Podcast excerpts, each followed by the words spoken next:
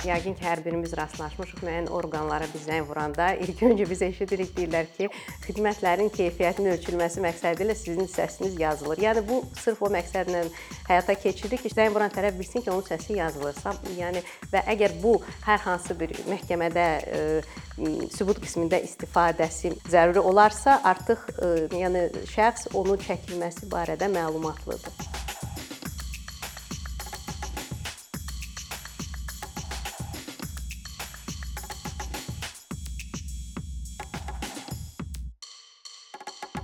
Bu gün e, sübutlar, e, sübut etmə yükü haqqında danışacağıq. Mülki işlərdə sübut dedikdə nə nəzərdə tutulur? E, məhkəmə sübutu necə qiymətləndirir və kim sübut etməyə məcburdur?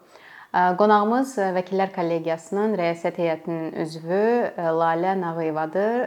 Lalə xanım, xoş gəlmisiniz.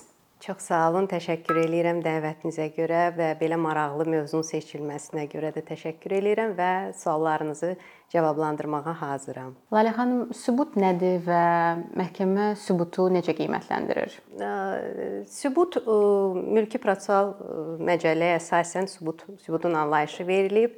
Tərəflərin e, tələblərinin və etirazlarının etirazlarını əsaslandıran e, halların və iş üçün əhəmiyyətli olan digər halların mövcud olub olmamasını e, müəyyən etmək üçün qanunvericiliklə nəzərdə tutulmuş qaydada əldə edilən məlumatlara sübutlar deyilir. Qanunvericilik sübutların növünü müəyyən, sübutların dairəsini müəyyən e, eləyir. Bu xüsusən yazılı sübutlardır, maddi sübutlar, şahid ifadələri, tərəflərin izahatları, yerli müayinə etməklə əldə olunan məlumatlar, ekspert rəyi, audio-video yazılar. Yəni bu sübutların dairəsidir və sübutlar məhkəmənin hazırlıq mərhələsində tərəflər tərəfindən təqdim olunur. Yəni sübutlar yalnız tərəf hər iki tərəf tərəfindən təqdim olunur və Ümumiyyətlə sübutların qiymətləndirdikdə qeyd ilk öncə qeyd etmək istəyirəm ki, hər hansı bir sübutun məhkəmə üçün əvvəlcədən əvvəl hər hansı bir sübut məhkəmə üçün əvvəlcədən bəli, qüvvəsi yoxdur. Qüvvəyə malik deyildir və ona görə sübutlar hazırlıq iclasında təqdim olunur və məhkəmə sübutlara qiymət verərkən xüsusən 2 2 2 mərhələni burada qeyd eləmək olar. Bu ilkin mərhələ, yəni hazırlıq mərhələsi yekunlaşana məhkəmə deməli sübutlara qiymət verir və əgər hər hansı bir sübutlar yetərli deyilsə, tərəflərə əlavə bir sübutların təqdim olunmasını təklif eləyə bilər. Və bəli, növbəti də ikinci, yəni sonuncu mərhələ artıq iş yekunlaşdıqda, yekun məhkəmə haqqında qərar qəbul olunduqda deməli məhkəmə sübutları obyektiv, qərarsiz, hərtərəfli baxır, hər hansı bir hüquq normasının tətbiqinə dair qiymət verir. Bəs ə, mötəbər sübut dedikdə nə nəzərdə tutulur? Yəni ki, həmin ə, sənədin, materialın ə, məhkəmə tərəfindən qəbul edilməsi üçün kriteriyalar, ə, meyarlar nələrdir? Mütləq kriteriyalar. Varmı belələri? Mütləq kriteriyalar mötəbər sübut, əsasən sübutların mötəbər olub olmamasına məhkəmə qiymət verir. Lakin mən hesab edirəm ki, yazılı sübutlar müvafiq qaydada tərtib olunmuş, təsdiq olunmuş, imzalanmış sübutlar mötəbər sübut hesab oluna bilər hər hansı bir şahid ifadələrinə və izahatlarına nisbətən. Çünki məsələn bir məsəl misal gətirə bilərəm. Borcun qaytarılması. Tərəf gəlib bank hesabından həmin borcun qaytarılması bank hesabı vasitəsilə həyata keçirdikdə və burada bank çıxarışını təqdim eləyə bilər və ya notariusa depozit hesabı vasitəsilə mən hesab edirəm ki, bu sübut borcun qaytarılmasına dair sübut daha mötəbərdir, nəinki bir şahid ifadəsi ki, hə, bəli, mən gördüm, o pul yəni filan kəs tərəfindən digər tərəfə qaytarılıb. Ona görə ümumiyyətlə mötəbər sübut müvafiq qaydada tərtib olunmuş, təsdiq olunmuş hesab edirəm ki, yazılı sübutdur. Və amma ümumiyyətlə sübutların mötəbərliyinə son sonda məhkəmə qiymət verəcək. Və qeyd etdiyim kimi hər hansı bir sübutun əvvəlcədən müəyyən olunmuş məhkəmə üçün qüvvəsi yoxdur. Hətta ekspert rəyini belə biz nümunə kimi gətirsək, ekspert rəyi və ya məsələn şahid ifadəsi, əgər hər hansı bir şahid ifadəsi hər hansı bir tərəfin əleyhinə və əleyhinədirsə, o deməkdir ki, artıq məhkəmə üçün bu qüvvədir və məhkəmə qərarını qəbul etməyə hazırdır və ya ekspert rəyi, yəni məhkəmə ekspert rəyini əsas kimi qəbul etməyə bilər. Əgər məhkəmə o ekspertizanın keçirilməsini məsəl üçün üsulları ilə razı deyilsə, məsələn, əmlakın qiymətləndirilməsi. Əgər məhkəmə hesab eləsə ki, bəli, burada qiymətləndirmə səthi aparılmış və ya hansı metodlardan istifadə olunmuş, yəni doğrudan da bu eyni növlü bir əmlak nəzərdə, yəni əsas götürülüb və qiymətləndirilib. Yəni buna ümumiyyətlə son son olaraq məhkəmə qiymət verəcək və hər hansı bir sübutun əvvəlcədən qüvvəsi yoxdur məhkəmə üçün.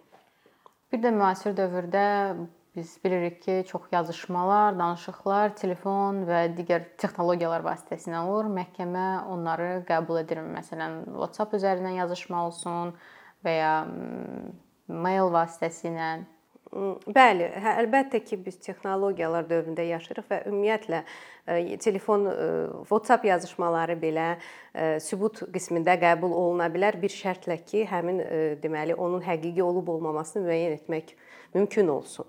Yəni ə, e, məsələn, texniki ə, e, ekspertizanın təyin edilməsi ilə e-mail yazışması, əgər e-mail bu e-mail yazışması hər hansı bir şübhə doğurursa, yəni onun həqiqi olub olmamasını müəyyən etmək olar.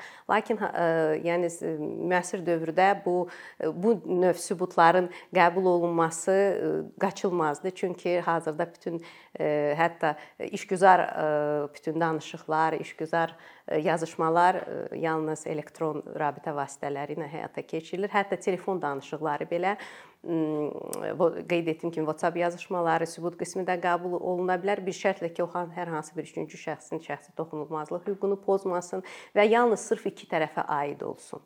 Yəni buna da məhkəmə qiymət ver, verərək o sübuta qəbul eləyə bilər. Sosial şəbəkələr üzərindən yazışmalar necə?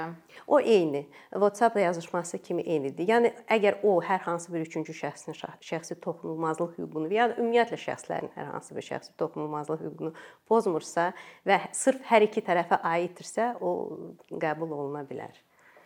Bəs ə, telefon vasitəsilə çəkilmiş videolar və ya şəkillər və ya səs yazılar ə, məhkəmə bunu sübut kimi qəbul eləyir? Əgər bu gizli çəkilibsə qəbul etmir. Çünki gizli audio video yazıların sübut qismində istifadə olunmasına qadağandır və bu qanunvericiliyə zidd olan əldə olunmuş sübutdur. Qanunvericiliyə zidd əldə olunmuş sübutların, yəni sübutlar məhkəmədə istifadə oluna bilməz və ona görə mütləq olaraq tərəf onun çəkilməsi və ya yazılması barədə məlumatlı olmalıdır. Hətta biz yəqin ki, hər birimiz rastlaşmışıq müəyyən orqanlara biz zəng vuranda ilk öncə biz eşidirik deyirlər ki, xidmətlərin keyfiyyətinin ölçülməsi məqsədi ilə sizin səsiniz yazılır. Yəni bu sırf o məqsədlə həyata keçirilir ki, səs zəng vuran tərəf bilsin ki, onun səsi yazılır. Yəni və əgər bu hər hansı bir məhkəmədə sübut qismində istifadəsi əgər zəruri olarsa, artıq yəni şəxs onun çəkilməsi barədə məlumatlıdır. Ya da ki, hər hansı bir biz məkana daxil olarkən biz görürük ki, bəli bu məkanda video çəkiliş həyata keçir. Yəni tərəflər bilirlər və əgər onlar istəyirlərsə, onu qəbul eləyib içəri daxil ola bilərlər və ya daxil olmaya bilərlər. Bəs sübut etmə yükü kimin üzərindədir? Kim məcburdur ki, məhkəmədə dediklərini sübut eləsin? Ümumiyyətlə bu bu bu deməli bu məsələ ilə bağlı əsas maddə Mülki Prosessual Məcəlləsinin 77-ci maddəsidir. Hər bir tərəf istinad yəni tələb və etirazların əsası kimi istinad etdiyi halları sübut etməlidir. Yəni burada söhbət getmir, yox, sırf iddiaçıya və bu yük düşür ya da ki, cavabdehə. Hər iki tərəf öz tələb və etirazlarını əsasını sübut etməlidir. Yəni hansı hallara istinad edir? Məsələn, mən öz əmlakımı digər şəxsin qanuni qanunsuz sahibliyindən tələb edir. Məsələn, mən icarə müqaviləsini bağlamışam və icarə müqaviləsinin müqavilə əsasən 3 aydır, şəxs artıq 1 aydan çoxdur ki, ya da ki uzadır, yəni tərk etmir. Və burada mən hesab edirəm ki, o qanunsuz istifadə eləyir və mən tələb eləyirəm buna dair müvafiq sübutlarımı, müqaviləmi təqdim eləyirəm. Digər tərəf etiraz edir ki, xeyr, mən qanuni əsaslarından istifadə eləyirəm və onun əlində sübut ola bilər ki, və o sübut eləməlidir ki, o qanuni əsaslarla. Yəni öz etirazını sübut eləməlidir ki, bəli, məndə məsələn müqavilə əlavə var, biz müqavilə müddəti daha 3 ay müddətinə uzatmışıq. Yəni bax belə hər bir, yəni hər bir tərəf bu sübut etmə yükü hər iki tərəfin üzərinə düşür və əgər o hansısa bir hala istinad eləyirsə, etirazını, tələblərini mütləq olaraq sübuta yetirməlidir. Bəs ə, məhkəmə praktikası necə? Sübutların qiymətləndirilməsi hakimlərin yanaşması necədir? Qənaət bəxşdirmi? Bəli. E, yəni mən öz subyektiv fikrimi söyləyəcəm və ümumiyə ümumiləşdirərək desək, bəli, əlbəttə qənaət bəxşdir. Sadəcə elə hakimlərdən asılı olaraq və ya prosesdən asılı olaraq əlbəttə ki, yəni elə hallar olur ki, mən hesab eləyirəm ki, burada məhkəmə sübutların qiymətləndirilməsində biraz nöqsanlara yol verib, xüsusən bu birinci instansiya məhkəməsində baş verir və niyə görə bu və ya digər sübutları rədd eləyib, bu sübutları qəbul eləyib, yəni bunu əsaslandırmır belə hallar baş verir və lakin e, mən şəxsən mən öz e, apellyasiya şikayəti vermək hüququndan istifadə eləyərək deməli belə bir qərarlardan şikayət verirəm. Yəni bu tək hallar ola bilər ki, bəli, e, mən razı olmaya bilərəm, amma ümumiyyətlə bəli, qənaət bəxşdir. Bəs təklifləriniz nə olar? Yəni ki, daha da təkmilləşdirilməsi üçün sübutların qiymətləndirilməsinin necə olmalıdır? Mən təklif doğrusu mən bu barədə fikirləşməmişəm, amma mən hesab eləyirəm ki, sübutların sübut et sübutların əldə olunmasında məhkəmənin səlahiyyətləri əgər biraz genişlənsə, yəqin ki, pis olmaz. Niyə görə? Çünki birinci instansiya məhkəməsində, apellyasiya instansiya məhkəməsində vəkillərin iştirakı məcburi deyil. Və bir çox hallarda tərəflər özü özlərini təmsil eləyir ya da ki, yəni peşəkar hüquqşünas tərəfindən yox, digər bir şəxs tərəfindən nümayəndəsi olur və Digər tərəfin isə peşəkar hüquqşünası vəkil təmsil edir. Əlbəttə ki, hər bir halda qanunvericiliyimizin tələblərinə əsasən çəkişmə prinsipi mütləq olaraq riayət olunmalıdır. Yəni sırf çəkişmə əsasında məhkəmə qərar qəbul edir və yalnız tərəflər tərəfindən təqdim olunan sübutlara əsaslanaraq məhkəmə qərar qəbul edir. Və burada aydındır tərəflər bərabər olmaya bilər sırf peşəkar baxımından və peşəkar hüquqşünas sübutların əldə olunmasında daha uğurlu ola bilər, nəinki digər tərəf. Və belə olan halda məhkəmə biraz yardım bəlkə funksiyası əlavə oluna bilər ki, və bildiyim qədər məsələn Rusiya Federasiyasında da eynidir. Yəni tərəflərin təqdim etdiyi sübutlar əsasında qərar qəbul olunur, lakin orada məhkəmə işi təyin edərkən müəyyən istiqamətlər tərəf tərəfləri istiqamətləndirə bilər.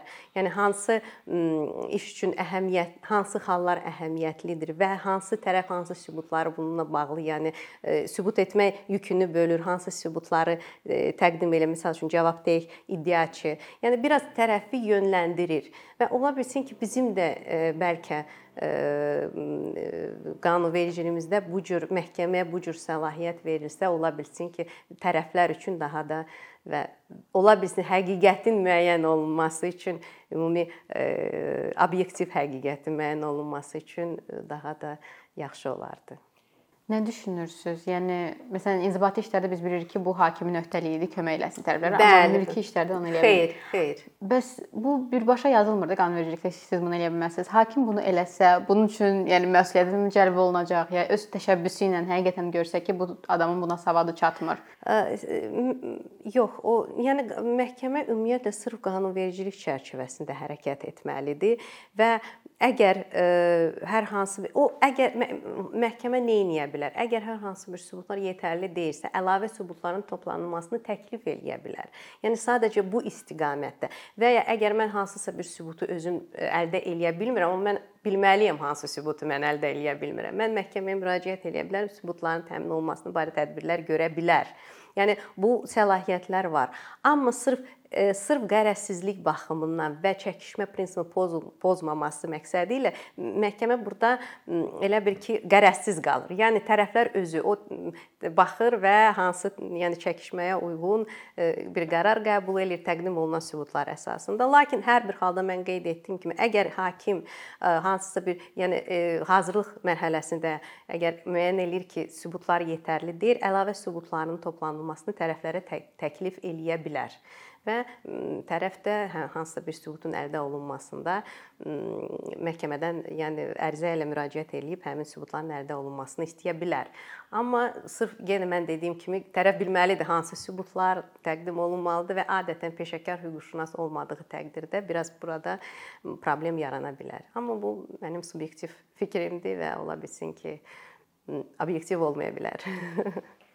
Bir də son dəyişikliklərə görə mülki məcəlləyə hazırlıq iclasına təqdim olunmalıdır bütün bəli, sübutlar. Bəli, bəli. Buna münasibətiniz necədir? Yəni daha sonra artıq Yox. yəni istisna hallardan. Bəli, istisna hallar var, amma bəli, haz yəni ona görə qeyd etdim, hətta buna məlum bir Konstitusiya Məhkəməsinin plenum qərarı da var ki, hakim elə bil ki, sübutların qiymətləndirilməsini iki mərhələ üzrə həyata keçirir. Biri hazırlıq mərhələsində, yəni o özü üçün müəyyən eləyir bu sübutlar yetərlidir yetərlidimi? Yetərlidir. Yetərli deyilsə, tərəflərə əlavə sübutların təqdim olunmasını təklif edir və sonra məhkəmə baxışında və yekunda ümumiyyətlə sübutlara qiymət verir.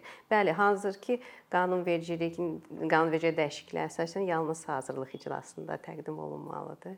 Nə qədər mən mən burada hələlik hər hansı bir problemlə rastlaşmamışam, amma ola bilsin ki, təcrübəmdə nəsə bir nöqsan ola bilər bununla əlaqədar. Lalə xanım, çox sağ olun gəldiyiniz üçün, dəvətimizi qəbul etdiyiniz üçün. Mən də sizə təşəkkürümü bildirirəm dəvətinizə görə və belə maraqlı məsələnin qaldırılmasına görə. Thank